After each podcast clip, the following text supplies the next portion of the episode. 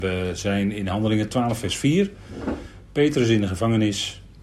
Jacobus gedood. En de titel van vanavond was De tegenwerking tegen het Evangelie van het Koninkrijk. En dat is wel duidelijk zo, hè, met die gebeurtenissen.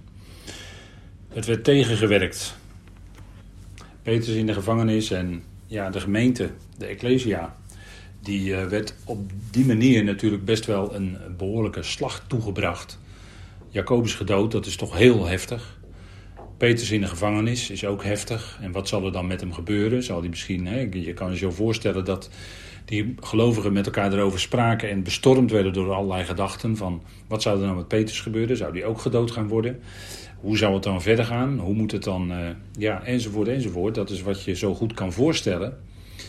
En uh, dat is ook wel eens natuurlijk in onze dagen zo, dat uh, als er tegenwerking is of de, het wordt het wordt belemmerd op een of andere manier, dan uh, denk je wel eens van ja, we moeten nu verder. En vaak is het toch zo dat heel wonderlijk God zelf ervoor zorgt dat het toch weer verder gaat. Dat er toch weer mogelijkheden zijn. En uh, ja, hij zorgt er zelf voor, dat is heel fijn. In ieder geval, Petrus gevangen en dat is ook zijn geestelijke naam, hebben we gezien. Jacobus was de benaming naar het vlees. En dat is natuurlijk ook als je kijkt hè, met handelingen verder hebben we gezien. Handelingen 15, dan zie je dus duidelijk dat die lijn, die geestelijke lijn, die krijgen we hier natuurlijk ook al een signaal van. Die geestelijke lijn wordt hier afgebogen. En Petrus die komt na dit hoofdstuk pas in hoofdstuk 15 weer naar voren. Als daar, dat apostelconvent in Jeruzalem plaatsvindt. En dan is er ook gelijk flink, uh, hoe zeg je dat in Rotterdam? Flinke bonje, geloof ik, hè, is er dan aan de hand. Ja, gaat dan over de besnijdenis en zo. Kan me zo voorstellen. Petrus. En wat doet de gemeente? Gaat de gemeente het zwaard oppakken? Gaan ze proberen met uh, letterlijke daadkracht Petrus te bevrijden uit de gevangenis? Nou, dat is lastig hoor, met die Romeinse soldaten die toch behoorlijk bewapend waren met zo'n schild en die sandalen en zo'n zwaard en een helm op enzovoort. Hè, dan uh, kan je zo voorstellen dat uh, als je dat zo ziet, dat het uh, toch wel. En die soldaten, dat waren natuurlijk ook getrainde vechtmachines. Dus ja, daar viel eigenlijk niet zoveel tegen uit te richten. Dus ik denk dat ze sowieso al, als je dat in je hoofd zou willen halen. En Judas de, was ook Judas, hè? Judas de Maccabeer ooit, die kwam wel in opstand. Maar ja, dat is uiteindelijk ook, werd uiteindelijk ook neergeslagen. En later ook zelfs verstrooiingen. Petrus dan werd inderdaad bewaard in de gevangenis. En is eigenlijk, uh, hier is eigenlijk wel mooi, want hier staat niet het woord bewaken, maar hier staat het woord bewaren. Hij werd bewaard in de gevangenis. En wij noemen dat tegenwoordig ook het huis van bewaring. Hè?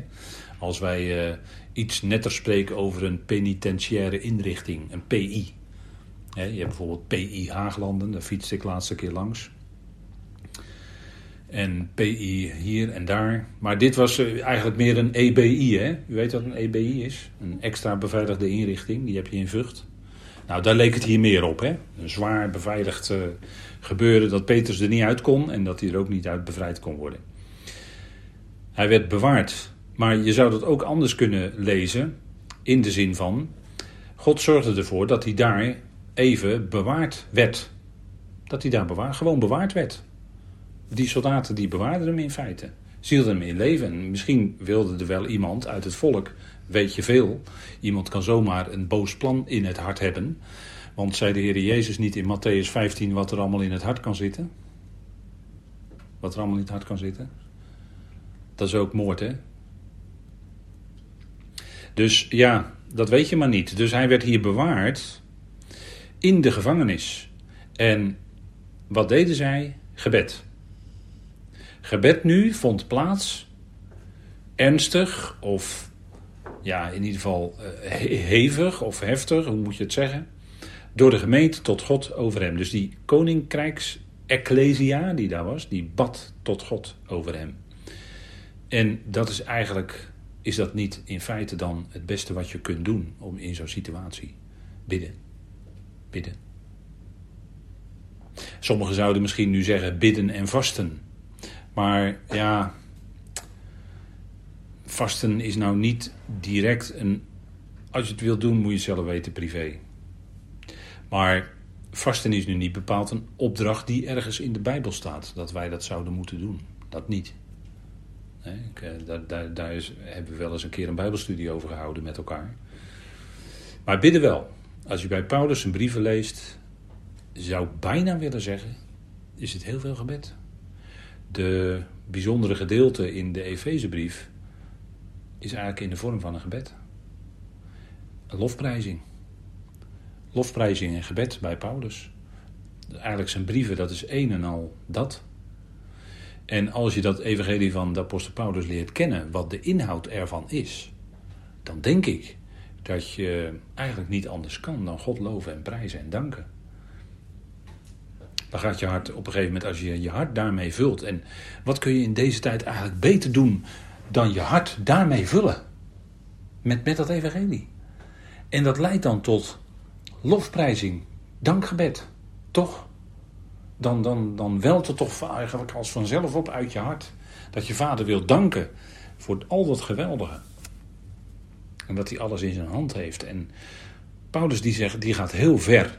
Die zegt zelfs, wees in geen ding bezorgd, weet u wel, Filippenzen 4.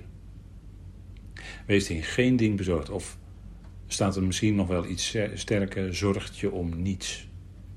Maar laat je gebed, dat wel, dat wel. En dat is wat de gemeente ook deed.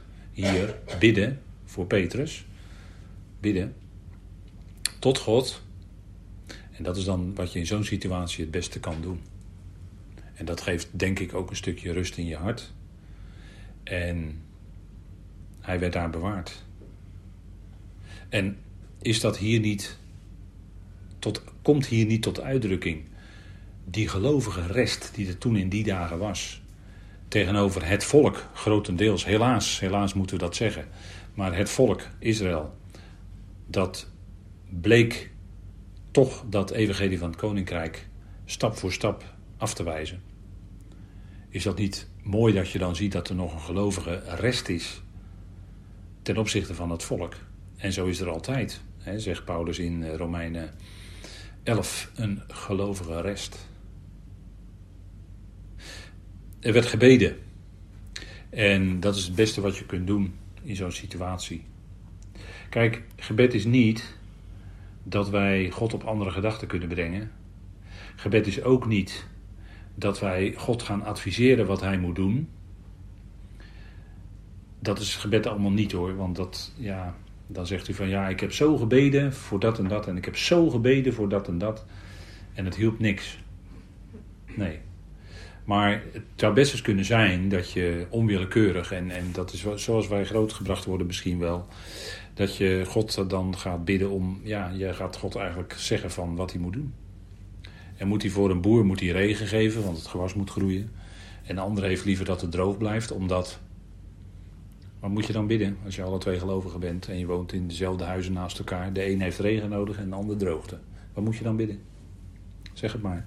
Dus dat gaat allemaal niet werken. Dat gaat allemaal niet werken. Kijk, wij kunnen God niet verbidden in zijn plan. God voert zijn plan uit. En hij wil juist wel gebeden zijn, want dan lijkt het bijna alsof je zegt van ja, maar als God toch altijd zijn plan uitvoert, dan heeft het geen zin meer om te bidden. Maar dat is de verkeerde conclusie. Dat is de verkeerde conclusie. De schrift geeft aan, de schrift geeft aan dat ook al God heeft belofte gegeven dat hij zijn geest zal uitstorten op Israël en, en ook verder in het komende koninkrijk, bij de aanvang. En er staat ook bij dat dat door de mensen zal afgebeden worden. Dus God wil ook gebeden worden. Dat past ook in zijn plan. Is juist een essentieel onderdeel van zijn plan, gebed. En dat is denk ik wat, wat hier toch een bijzondere punt is. Zij deden eigenlijk, hè, zij, zij gingen niet zelf handelen, nee, zij gingen in gebed. En dat is in een noodsituatie vaak beter om te doen dan misschien in paniek handelen, waardoor je misschien dingen doet in je onbesuisdheid, in je paniek, zonder eerst af te vragen, ja, maar wat zou vader nou bedoelen hiermee? Wat is nou Gods weg hierin? Dat je biddend af te vragen. Gebed. Ik denk dat dat een uh, belangrijk, belangrijk iets is voor ons. Hè. Paulus spreekt regelmatig over aanhoudend gebed, over dankzegging. En daarbij tegelijkertijd het diepe besef, want dat was de achtergrond in Filippenzen 4, dat God het uitwerkt tot wat goed is. En daarom komt Paulus ook altijd danken. Met dankzegging. Kijk, en dat, dat, is, nou, dat is ook een stukje, ja, hoe moet ik dat nou zeggen? Een uitwerking van gebed, een uitwerking van, van gebed en dank is dan dat jouw gedachten, want jouw gedachten gaan zo snel met je op de loop. Je hart wordt zo snel verontrust. En je hebt verontruste gedachten, hè, want hart en gedachten dat hoort bij elkaar naar de schrift. En dat met gebed en smeking onder dank bij God alles bekendmaken, dat is nou wat jou in je denken bewaart. Waardoor je niet meer steeds datgene waar je zo mee zit in herinnering brengt. Hè? Want dat is eigenlijk het woord zorgen maken. Hè? Dat is steeds weer dat ene deeltje jezelf in herinnering brengen. En het is het moeilijkste voor ons om het aan God echt, maar dan ook echt aan God over te laten. En het niet na, na het gebed gelijk weer op te pakken en toch zelf proberen alle dingen weer te regelen. Nee. En ik zou bijna een bekend lied aanhalen, maar dat kent u denk ik wel, dus ik haal het maar niet aan. Maar het is punt, punt, het is in zijn hand en dan is het goed. Vader, het is in uw hand, dan is het goed. En dan kan ik ook gerust gaan slapen. Ja. Ik denk dat, dat hier een, een notitie in zit. Dit is het beste wat ze in die situatie konden doen. En toen, dat deden ze tijdens dat feest van de ongezuurde broden. En daags voordat Herodes, hè, het eind van de ongezuurde broden waarschijnlijk, en die volgende dag mogelijk zou. Hè, staat hier in Handelingen 12, vers 6. Toen Herodes echter op het punt stond hem naar hen te leiden. Die nacht rustte Petrus tussen twee soldaten, met ketenen gebonden. En bovendien bewaarden de twee wachters voor de deur de gevangenis. Dus alles was zeker. Petrus was met ketens aan die soldaten vastgebonden. En er kon eigenlijk niks mis. En de, die nacht, hè, die nacht, dat, dat duidt waarschijnlijk op dat die volgende dag Herodes ze zou voorleiden. En Petrus zat in de gevangenis en de gemeente was biddend. En dat is denk ik, eh, ja, toch ook biddend voor die apostel van de besnijdenis, die daarmee natuurlijk ook het woord doorgaf. Hè? Het koninkrijksevangelie, die sprak. Dat werd natuurlijk belemmerd. Belangrijk punt. En dan zie, een boodschapper van de Heer stond bij hem en licht straalde in het vertrek. De zijde van Petrus nu werd getroffen, nu de zijde van Petrus nu getroffen hebbend, wekte hij hem op, zeggend: Sta op snel! En zijn ketenen vielen van zijn handen af. En is dat niet, hè, is natuurlijk een heel wonderlijk gebeuren hier. Ineens is er een boodschapper daar. En ja, als je dat heel spannend aan kinderen vertelt, dan kan je natuurlijk zeggen van hij liep door de deur heen en liep nog door, door nog een deur heen. Maar het kan ook best zijn dat hij ineens daar was bij Petrus. Dat kan ook. Want zulke boodschappers, dat zijn gedienstige geesten, zegt de Hebreeën schrijver in Hebreeën 1, die ten dienste zijn van degene die de redding zullen die de redding zullen ontvangen. Nou, dat is Israël hè, in de Hebreeënbrief. Dus hier blijkt dat ook. Hier blijkt dat. Hij is opeens daar bij Petrus. Dan spreken we over een andere dimensie. Dan spreken we niet meer over driedimensionaal, maar over de vierde dimensie. Hè? Dat, dat wat zich aan onze waarneming onttrekt, die geestelijke wereld, waarin alles mogelijk met veel grotere snelheid ook gaat. Maar zo'n hoge snelheid waar we geen vermoeden van hebben misschien wel. Ik speculeer maar wat, hè. Maar dat zou zomaar kunnen. Die, die boodschapper is ineens in hun midden. Net zoals de Heer Jezus ineens in de opperzaal in zijn opstanding in hun midden was. Te midden van die discipelen, van die apostelen. Was hij ook ineens in hun midden. Er staat ook niet dat hij door de muur heen liep of wat dan ook. Of door de deur heen. Dat zijn allemaal de gedachten die wij er dan weer van maken. Maar het staat er niet. Kijk, het punt is, uh, mensen stellen soms van die vragen. En eigenlijk ben ik geneigd daar geen antwoord op te geven. Vragen waarover? Vragen over dingen die niet in de schrift staan. En ben ik eigenlijk geneigd daar geen antwoord op te geven. Want het staat er niet. Waarom zou je het dan vragen? Er staat er toch niet? Waarom, heb je, waarom vraag je dat dan? Of bedoel je het als ja, dan is er wat anders aan de hand. Kijk, je kan je natuurlijk allerlei dingen hè, afvragen. En, en, uh, kijk, en, en als, er, als er in een bepaalde vraagstelling, dat proef je dan soms hè, bij mensen, als er dan in een bepaalde vraagstelling eigenlijk opgesloten zit twijfelzaaien, dan ben ik extra op. Dan word ik extra alert. Want dat kennen wij uit de schrift, hè? dat kennen wij. Maar het punt is dat, ja, kijk, wat, wat ja, je kan natuurlijk prachtig nadenken en filosoferen over wat er niet staat. Maar laten we met elkaar delen wat er wel staat. Is dat niet veel belangrijker? Is dat niet veel eerlijker? Wat er wel staat, dat is toch al rijk genoeg. En kijk, zien wij hier niet in, hè? want kijk, hij porde Petrus in zijn zij. Petrus sliep, hè? Hij porde hem in zijn zij. En slapen is natuurlijk een beeld van het dood zijn, hè? is een beeld van het dood zijn. En hij porde hem in zijn zij, dus, en er staat ook, hè, hij wekte hem op en zei: Sta op, snel! En is dat niet een heenwijzing profetisch naar Israël, wat onder de volkeren eigenlijk dood is, zegt Hosea. En Hosea zegt ook: Ik zal jullie uit jullie graven doen opkomen. Na twee dagen zal ik jullie doen herleven. En dan komt die por van de Heer en dan zal die ze wekken. En dan zal die zijn geest geven. En dan zullen ze opstaan uit de doden. Want zei de Torah al niet: De Heer doodt en hij doet leven. Nou, als hij zijn volk dan in de verstrooiing brengt, dan is het volk dood. Bestaat niet. Bedoelen we dan, hè? zeggen we dan tegen elkaar. Net zoals die verloren zoon, die was ook weg. Totdat God ze weer terugbrengt. En dan kan het tijdelijk een dood lichaam zijn, Ezekiel. Maar dan zal hij zijn geest erin geven. En dan zal het tot leven komen. En is dat ook niet wel weer hier zien bij Petrus? Is dat niet een prachtige profetische heenwijzing naar wat God gaat doen? Ja, zeker. De Heer doodt. Maar het geweldige is, hij doet ook leven. Dus hij brengt iedereen in, dat, in zijn leven, is iedereen in dat stervensproces tot het moment dat je doodgaat. En dan zeggen mensen wel eens van ja, de dood dat hoort bij het leven. Nee, de dood hoort niet bij het leven. Het leven is leven. En de dood is dood. Dat is gewoon toch eenvoudige begrippen, lijkt mij. Maar dood, is niet, dood hoort niet bij het leven. Nee, als je dood bent, is het leven voorbij. Tijdens het leven ben je stervend. we zeggen dan leven, maar je bent sterven. Tot het moment dat je echt dood bent. En dan is het leven voorbij, is het leven eruit weg. Weet je ook van niets meer.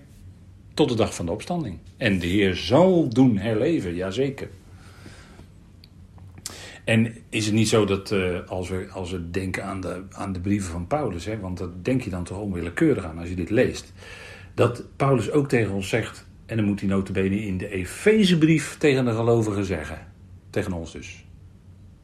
Sta op uit de doden. Ontwaak jij die slaapt. Sta op uit de doden. Dat zegt hij in Efeze 5 toch? Nou, we kunnen ook geestelijk natuurlijk in slaap sukkelen. Dat, dat, is natuurlijk dan wat zo aan de hand kan zijn in je leven. Alles gaat wel zo gangen, het wordt een beetje een sleur. En, ja, het zal wel. En je neemt uh, iets wat gezegd wordt, uh, ja, je luistert met een half oor, want je bent afgeleid door enzovoort. Ja, dan kan je zomaar een beetje geestelijk gezien in slaap sukkelen. En dan heb je die uh, por in je ribben weer nodig van Paulus. Die zegt, joh, ontwaak jij die slaap, sta uit de doden. En hij haalde daar, meen ik, de profeet Jezaja aan. En dan, uh, ja, als je dat gaat doen en je gaat weer luisteren, echt met, met aandacht luisteren, dat het echt in je komt, dat je ermee bezig bent. Ja, dan gaat het weer bij je leven, dan gaat het weer, hè? Je kan zomaar in slaap sukkelen. Maar Paulus zegt toch ook in Romeinen 13, dat kijk, dat, dat licht wat komt, hè, die, die dag die komt, die is nu toch veel dichterbij gekomen dan het moment dat wij eerst geloofden. Romeinen 13, weet u wel, die laatste verse. En dan zegt hij zich ook iets van ontwaak, hè, uh, word wakker, want het is dichterbij, het is dichtbij, we zijn er dichtbij. En dat is toch ook zo, we zijn er toch ook dichtbij. Hij stond op, geweldig hè, hij werd gewekt en hij stond op. En dat is natuurlijk bij de Heer zelf ook gebeurd. Letterlijk. Hier is het natuurlijk figuurlijk uit de slaap. Maar bij de Heer was het letterlijk uit de dood. Hij werd opgewekt door de Vader En hij stond op door de kracht die vader hem gaf. Geweldig, hè? De opstanding van Christus. De boodschapper nu zei tegen hem: God je en bind je sandalen onder. Hij deed dan zo. Hij zei tot hem: Omhul je met je bovenkleed en volg mij. En uh, ja, Efeze 5, zitten we hier niet al in Efeze 6? Ja, hè? Wapenrusting. Godje, hè? dan staat er eigenlijk rondom gorden, waarheid, sandalen, vrede, weet u wel. De heel de wapenrusting is ook weer uh, onlangs een boekje van uitgekomen. Heel de wapenrusting van God. Belangrijk hoor, juist in deze tijd. Maar die boodschappen die hielpen en die leidden hem uit. En de soldaten merkten niets. En dat is een beeld van hoe het gelovige overblijfsel van Israël in de toekomst gered zal worden. Zij zullen gered worden en ze zullen uitgeleid worden. En hun plaats hebben in de woestijn, waar zij dan bewaard zullen worden door de Heer, dan later opgehaald zullen worden, zegt de openbaring. Godje, bind je sandalen onder, teken van leven, activiteit. En wij kennen natuurlijk de sandalen van vrede. Houd voor zover het van jou afhangt vrede met allen. En Petrus deed dat, hè.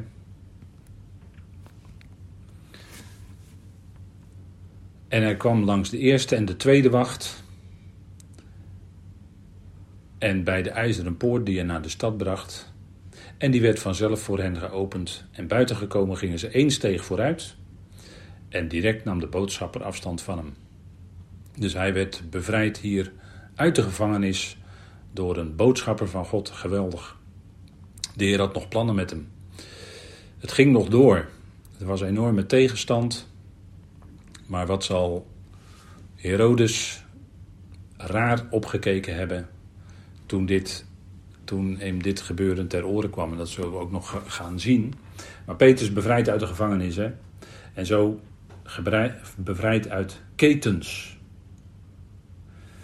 En zo is het ook met als gelovige. Als je pas tot geloof bent gekomen, dan kan je die ervaring zo hebben dat je het idee hebt dat je uit ketens bevrijd bent geworden. Misschien wel ketens van duisternis, of ketens van slavernij, verslaving, ketens van, nou noem maar op. Hè. En als de Heer je dan bevrijdt, je losmaakt uit die ketens, dan is het ook een geweldige verlossing. Dan ben je losgemaakt van. Ook, dan word je ook losgemaakt. Hè? Romeinen 12, de vernieuwing van ons denken. Dan word je ook losgemaakt van al dat denken, van de tijdgeest, van de filosofieën van deze wereld. En dan word je bepaald bij wat God zegt. En dan worden daardoor je gedachten veranderd.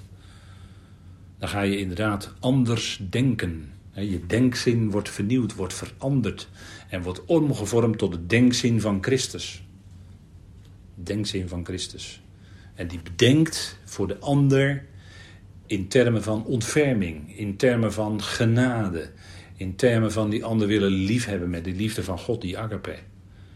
Zo, hè? Zo, dat is de denkzin van Christus. Ootmoedigheid is ook ons niet aangeboren, hè? Filippenzen. Ootmoedigheid. Je denken wordt veranderd en dat is zo nodig, hè? Maar je denken ook bewaren. Je denken, worden bewaard, je denken wordt bewaard in het woord. Laat die woorden van God steeds jouw denken bepalen. Want je wordt zo snel in beslag genomen door al dat andere wat aangeboden wordt. En als je, als je een abonnement afsluit bij een provider, dan, uh, nou, het meest minimale abonnement, maar dan heb je al meer dan 100 televisiezenders. Meest minimale abonnement, hè? Het goedkoopste, want dat willen wij natuurlijk, goedkoopste abonnement. Maar dan heb je al zoveel zenders. En dan heb je nog internet en dan heb je nog allemaal dingen die je, je denken zo in beslag kunnen nemen en je tijd kunnen roven. En, en daar word je alleen maar vaak onrustig van, van binnen. Je denken wordt erdoor verward misschien wel, of je wordt door andere filosofieën op verkeerde been gezet en noem alles maar op. Maar laat je bedenken nou, denken nou bewaren in het woord. In het woord waar de apostel Paulus spreekt. Die woorden, die zijn geest en leven die houden je, je, je relatie met de Heer, om het zo maar te zeggen, ook levend. En dan kan door die geest die in jou werkt, Heilige Geest, kun je die dingen die op je afkomen op een andere manier tegemoet treden. Die, eh, ja, tegenwoordig zeggen we, daar kun je dan op een andere manier mee omgaan. Dat is dan het jargon hè, tegenwoordig. Maar het punt is dat die vrucht van de geest, hè? vrucht van de geest. Maar vorige week eh, stonden daarbij stil, maar dat is zo wezenlijk hè. Want dan ga je anders naar die dingen kijken. Je denken wordt veranderd. Je gaat anders naar de dingen kijken. Je gaat mensen anders zien. Je gaat mensen veel meer zien vanuit God. Wat wil God nou met diegene die op mijn weg komt? Wat wil God nou met die familieleden of met die kinderen die op mijn weg zijn gekomen? Wat bedoelt God daar nou allemaal mee? En, en dan raadpleeg je zijn woord. En dan krijg je antwoorden. Dan, komt er ook wijsheid in je. Hè? Dan is het niet langer je oude ik. Dus jouw, is niet langer jouw eigen wijsheid van jouw oude ikkie.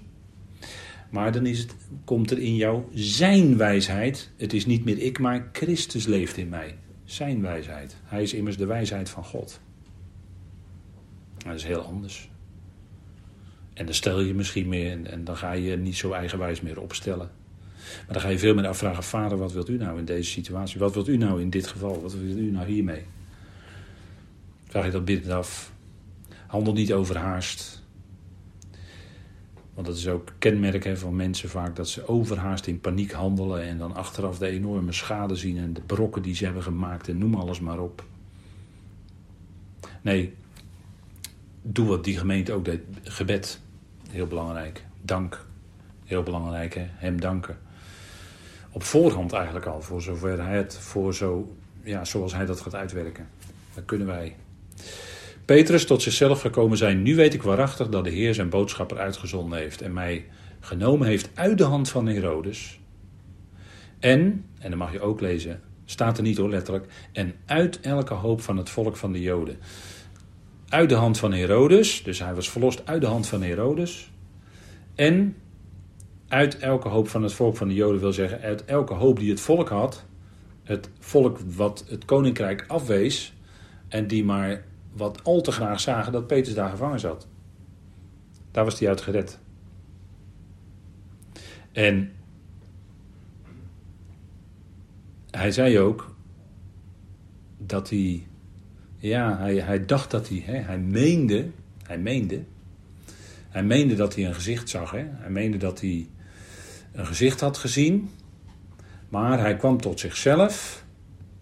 Hij kwam tot zichzelf en hij zag wat er gebeurd was, dat het echt was. Hij kneep als het ware in zijn arm. Ja, het is echt zo. Ik ben echt verlost uit die gevangenis. Wat een bevrijding, wat een verlossing.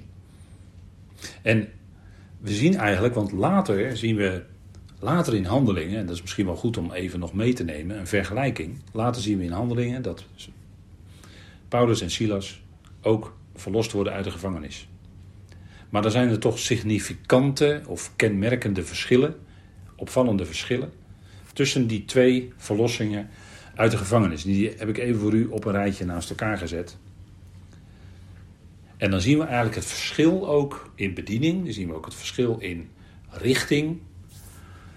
Petrus, die sliep tussen de bewakers. S'nachts. Paulus en Silas, wat deden die? Die waren aan het zingen. Zingen in de nacht. Bidden. Andere, anders hè.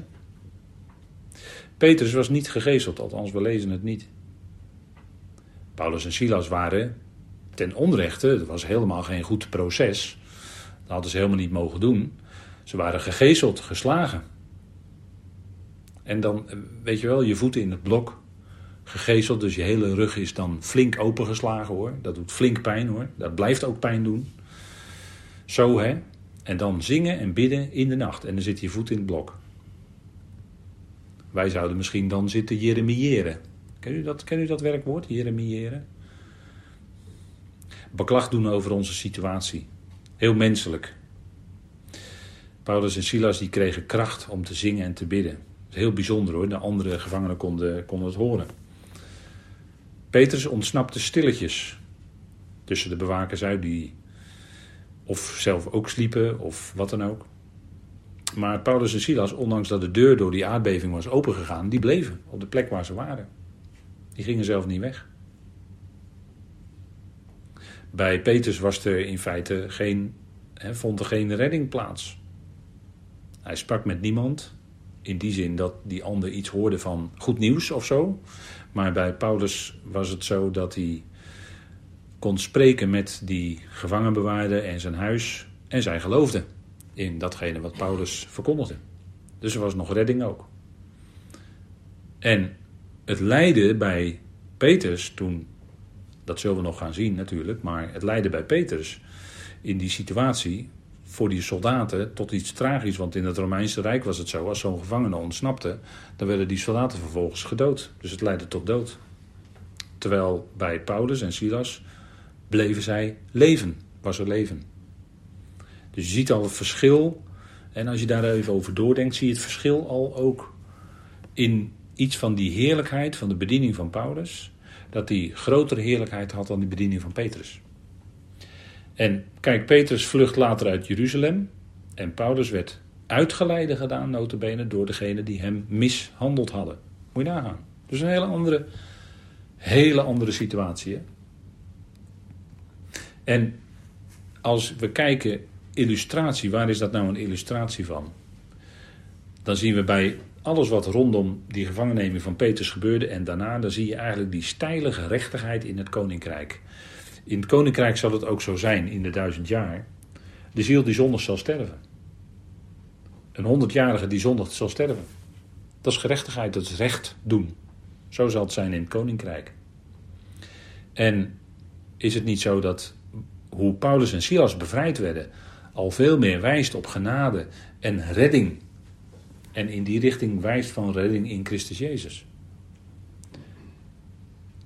Peters bevrijding zou je kunnen zien als een uitbeelding van Israëls redding door, door gericht over de natie. Want het gericht over Herodes kwam. Hè? Herodes werd, uh, ja, die kwam op een vreselijke manier aan zijn einde. Dat bewerkte God zelfs. Dat was het gericht, in feite zou je daarin kunnen zien. Het gericht over de natie wat later zou komen. Kijk, de natie die Israël in de grote verdrukking enorm verdrukt hebben, die zullen daarvan later door gerichten de gevolgen van ondervinden. En dat zien we in het gericht over Herodes al uitgestald. In beeld. En de uitbeelding van redding, dat was bij Paulus en Silas, door Israëls tijdelijke terzijdestelling. Israël is op dat moment eigenlijk niet zo in de picture en zij worden gered. Nou, dat voor deze avond een aantal notities bij het boek Handelingen en we zien eigenlijk dat zo in die gebeurtenissen eigenlijk al verborgen zitten heenwijzingen naar de toekomst ook. Hè? En het verschil al in bedieningen als je even watzelfde gebeurtenissen naast elkaar zet. Goed, ik eh, stel voor dat we de Heer danken en dan is dat de afsluiting. Vader, wij danken u voor wat we deze avond hebben mogen zien met elkaar. We danken u voor uw woord dat opbouwt, bemoedigt, opbeurt. Het wijst op u. Het getuigt van u, die grote God. Vader, dank u wel dat bij u niets misgaat. Maar ook al lijken de dingen in onze ogen verkeerd te gaan of mis. Het gaat naar uw plan. En uiteindelijk zal het toch uitwerken tot wat goed is, Vader. U bent bij machten om uit het kwade het goede voor te brengen. Vader, u bent zo anders dan wij. Wij kunnen dat niet. Maar u bent veel groter en elke keer komen we onder de indruk van uw grootheid. Hoe u al die gebeurtenissen bestuurt en in uw hand heeft en zelfs leidt, zonder dat mensen zich dat bewust zijn. En zo is het ook bij ons, Vader. Dank u wel dat u in ons leven, ons leven regelt. Zelfs tot in de details aan toe zonder dat wij het bewust zijn. We danken u, Vader, dat u zo groot bent. Dank u voor uw geliefde Zoon, onze Heer Jezus Christus. Dank u wel dat Hij redder is en dat Hij alles heeft volbracht. En dat Hij nu aan uw rechter is en de gemeente heiligt en reinigt. We danken u, Vader, dat we dat woord hebben, wat een groot en geweldig licht verspreidt in ons hart, in ons leven. En dank u dat we het ook mogen doorgeven aan anderen. Dank u voor dat grote getuigenis wat uitgaat van de Heilige Schriften. En die willen we naspreken, Vader. Minutieus. We danken u dat u ons dat geeft en dat we daarmee bezig mogen zijn in deze tijd. Vader, dank u wel voor de, ieder die wilde luisteren in dit moment en misschien later. Dank u wel voor degenen die op afstand meekeken en luisterden. Wees u ook hen genadig nabij. U kent een ieders leven. U weet wat nodig is. U kent de noden en behoeften die we hebben. Vader, dank u wel dat we alles met u mogen bespreken. In gebed bij u mogen brengen. U mogen danken voor zoals u het uitwerkt.